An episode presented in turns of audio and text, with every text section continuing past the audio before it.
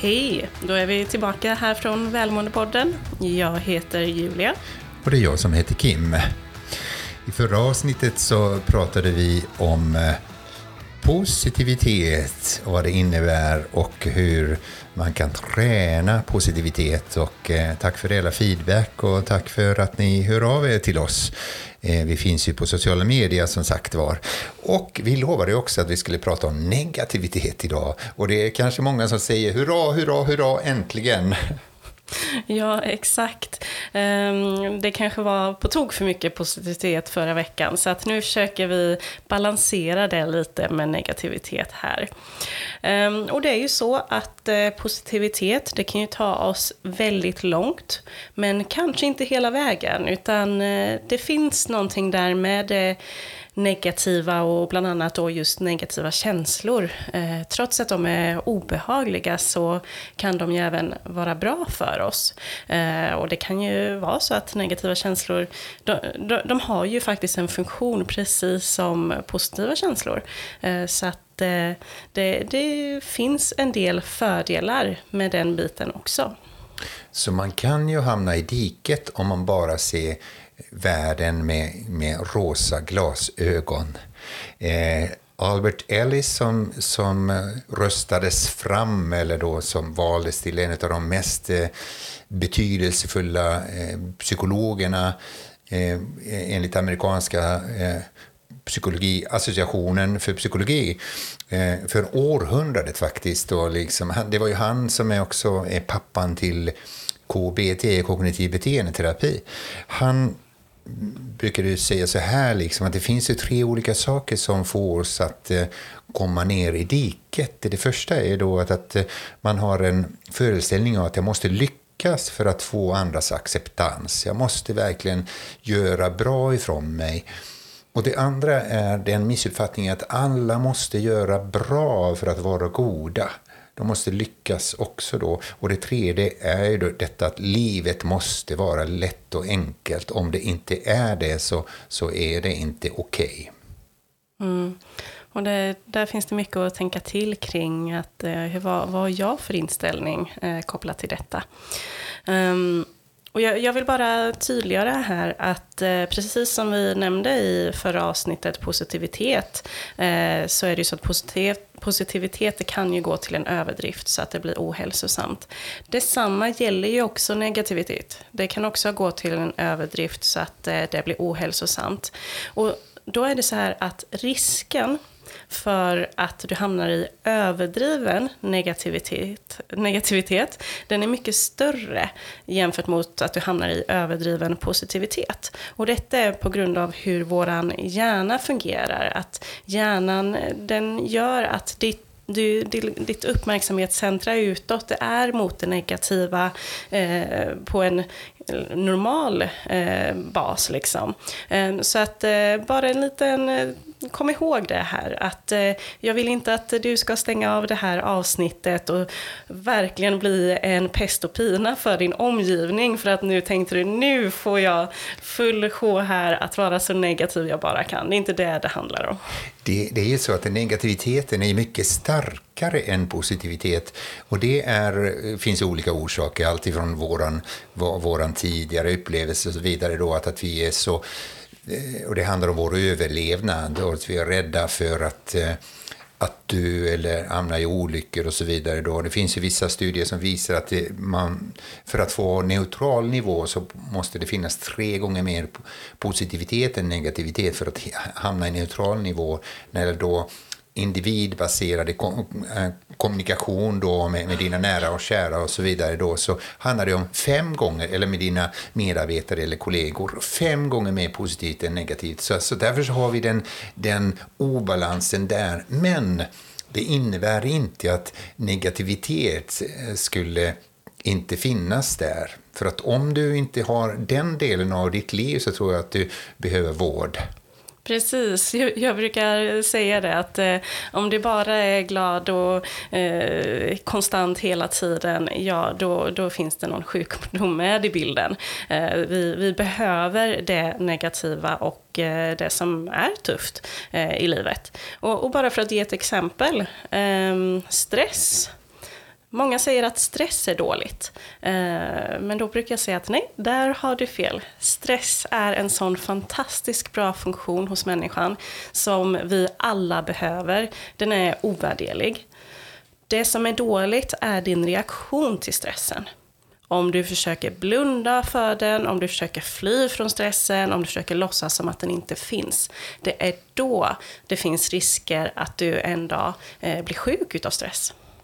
Och det är väldigt intressant. Kelly McConagals bok Upside of Stress eh, visar en, en hel del studier då vad det innebär samtidigt när vi är stressade och ändå gör något meningsfullt eller upplever då att, att det här är inte farligt utan jag måste agera på något sätt så, eh, så, så är det väldigt nyttigt för oss. Och också det här negativa, det positiva sidorna av negativitet, precis som, som Todd Cashan och Robert Biswas Diener i sin bok The Upside of Your Dark Side beskriver att det finns ju väldigt många positiva sidor av, av vår negativitet det får oss rätt ofta att få tummen ur, att göra någonting när vi blir irriterade eller arga eller upplever att nu är jag inte nöjd för situationen. Jämfört med att om man är bara nöjd och, och, och ligger där i hängmattan och tänker eh, och hoppas på det bästa då, så, så är man inte så aktiv i sitt agerande. Så, så det finns ju väldigt många olika saker som som hjälper oss att undvika faror, till exempel att inte ta onödiga risker och, och skapa just det här som kallas för psykologisk motståndskraft. Som, som vissa forskare påstår att vi har ju, i västvärlden har den gått ner av olika anledningar. Det finns ju, man, man eh, beskriver då att sociala medier är en av orsakerna, men det finns ju andra orsaker också som, som har gjort att eh, psykologiska motståndskraften då har gått ner. Och kanske det här att, att vi, är, vi vill undvika de negativa känslorna och tankarna och vill bara fokusera på det, på det positiva. Det kan bli snedvriden verklighet. Mm. Och bara för att ge några exempel på när negativitet eh, kan faktiskt vara bra och positivt. Eh, särskilt speciellt då om vi ser i akuta situationer. Eh, tänk dig brandmän som eh, kommer till ett hus som står i full brand. Eh, de, de har stort behov av att se allt negativt. För hur ska de annars säkra upp eh, att deras arbete går eh, tryggt och säkert till? Så i akuta situationer så är det otroligt viktigt med negativa eh, glasögon. Att eh, där kan det gå fel, där kan det rasa, eh, där ska vi inte in, där har vi möjlighet att gå in och rädda någon. Eh, så att det är liksom, adrenalin, adrenalinet gör att vi agerar eh, och negativiteten gör att vi ser möjliga faror eh, och gör att vi liksom täcker upp för dem. Men också också tillfällen då du behöver ta lite långsammare beslut. Eh, det är inte alltid vi ska ta snabba beslut och eh, med mycket positivitet då finns ju en risk att man tar snabba beslut eh, utan att tänka till ordentligt. Och där kan negativitet vara en stor hjälp. Att, men, vad är det för risker vi ser här? Hur, hur tar vi oss framåt och landar i det bästa beslutet för den här situationen? Och det är ju så att, att eh, eh, det här negativitet eller negativa tankar och se faror, det kan ge oss mod. Det är ju så att, att man behöver rädda något ifrån lågorna, om vi tar det exemplet då, så, så är det rätt ofta många människor som ser, när man ser faran och ser som den är, så, så kan det hjälpa oss att bli mer modiga. Och också då att om vi försöker låta bli att undvika negativa känslor så, så så minskar vi vår förmåga för emotionell agilitet, att kunna finnas där. Brené Brown har ju forskat i just detta med, med sårbarhet. Att våga vara sårbara och verkligen acceptera sina känslor och också visa utåt att nu är jag väldigt svag i den här situationen. Jag skulle vilja eh, andras hjälp. Och det, den svagheten gör oss starka. Mm. Så negativa känslor, det, det, som sagt, det finns en tendens att vi försöker fly från dem. Kanske känner du att du är orolig inför att starta upp ett projekt, så därför lägger du dig i soffan och scrollar på sociala medier. Där är det inte oron som är, eh, som är dålig för dig, utan det är ditt beteende på grund utav oron. Eller om du känner dig ensam till exempel, så du slutar upp med att äta massa ohälsosam mat eller dricka mycket alkohol till exempel. Då är det ditt beteende, det är inte ensamhetskänslan i sig som är farlig, utan det är ditt beteende till det. Så om om vi kan möta våra känslor eh, och eh, försöka förstå dem och eh, acceptera att de finns här och få känna dem. Det är ju då vi också kan bearbeta dem och agera för att skapa skillnad framöver och fundera på men vad, vad är rätt väg för mig framåt nu då? Och det hjälper oss att fatta viktiga beslut också. Jag har en styrelsemedlem i en av de styrelserna där jag sitter då och eh, han brukar säga så här rätt ofta då efter styrelsemötet. Kim, eh, var jag inte för negativ här kanske? Jag kommer alltid med, med frågeställningar och ser faror och, och eh, jag brukar tacka och säga att Nej, men du behövs i den här styrelsen. Om alla är bara ja-sägare så kan det bli helt åt pipan. Och det finns ju historiska bevis, alltifrån Vasaskeppet då, som, där de flesta visste att det här blir helt tokigt, men man var ja-sägare, man vågade inte ifrågasätta och, och det, var, det blev som det blev. Så, så det hjälper oss att eh, se, se det positiva. Eh, att nå det positiva genom att se faror och ifrågasätta. På tal om våra känslor och hur, det faktiskt, hur de påverkar oss, då är det ju så att eh, eh, det finns någonting som i forskningen man brukar kalla för impact bias. Alltså vi tror att vi påverkas av våra känslor i högre utsträckning än vad vi faktiskt gör.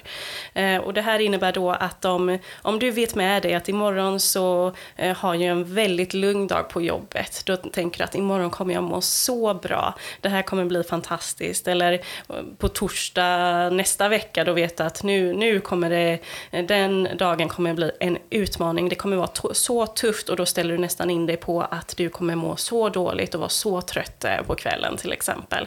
Vi tror att vi vet hur vi kommer reagera på situationer. Eh, och här har det gjorts väldigt spännande forskning och eh, studier kring hur vi sätter prognos på våra framtida känslor. Och bland annat så gjorde man en studie i USA på ett universitet och du kan ju tänka dig i universitetsvärlden i USA så är det ju väldigt hög konkurrens kring betyg eh, och man vill få höga betyg för att man ska kunna få det där toppjobbet. Eh, man behöver konkurrera med sina eh, studenter och ja, studiekollegor helt enkelt. Så forskarna gjorde så att de frågade studenterna på sitt universitet hur kommer du må om dina betyg blir bättre än förväntat, exakt som förväntat eller sämre än förväntat. Och så fick de, fick de då skatta sitt mående på en skala från 1 till 10.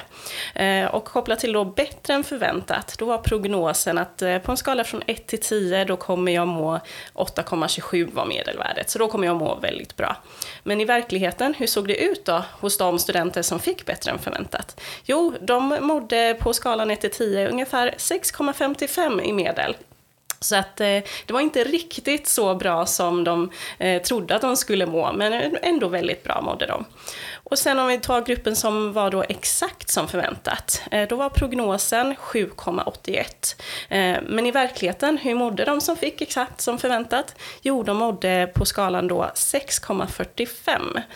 Och de som fick bättre än förväntat, de hade ju 6,55, så det var ju inte jättestor skillnad i deras mående mellan de grupperna. Och då tänker jag, men sämre än förväntat då? Vad, vad var det där? Då, prognosen var ju då att då mår man 4,42 på skalan. Att det, då mår man sämre än eh, ja, vad man hade gjort i de andra eh, grupperna. Men hur såg det ut i verkligheten? Ja, men 6,36. Så att eh, det, som du märker, vi mår inte så dåligt som vi tror att vi skulle må och eh, vi mår kanske inte så bra som vi tror att vi skulle må. Så man kanske ska glädja sig eh, i förväg och ha det här i åtanke att eh, känslor, de, de, är inte så pass starka som vi tror, utan eh, vi klarar av väldigt mycket. Så den missuppfattningen om att livet ska vara lätt och enkelt, det är för oss fel i diket. Jämfört med att, att om man konstaterar att livet är svårt och tufft så är det enklare att kavla upp ärmarna då de dagarna det, när man upplever att nu är det svårt och tufft och göra någonting åt det och ta tag i, i situationen på bästa möjliga sätt. Och de dagar när livet är inte så svårt och tufft så är det mycket enklare att fokusera på tacksamheten och tänka fantastiskt bra, vad fint det flöt och, och vad vad glad jag är att hamna i den här situationen just nu. Mm. Och ta tillvara på det som eh, är gott i livet och acceptera det som är tufft i livet helt enkelt. Och det är det livet handlar om. Och när du ser skuggor på din väg så vet du att det beror på någonting. Det beror på att solen skiner. Och det var lite grann om negativitet idag och jag hoppas att du fortsätter att lyssna på oss och eh, Eh, rekommenderar våran podd till alla de du känner. Och vi finns som sagt på sociala medier också. Ja, följ oss gärna där. Instagram och Facebook, där heter vi Välmåendepodden. Tveka inte att höra av dig om du har en fråga så ser jag fram emot att eh, prata till dig igen i lurarna.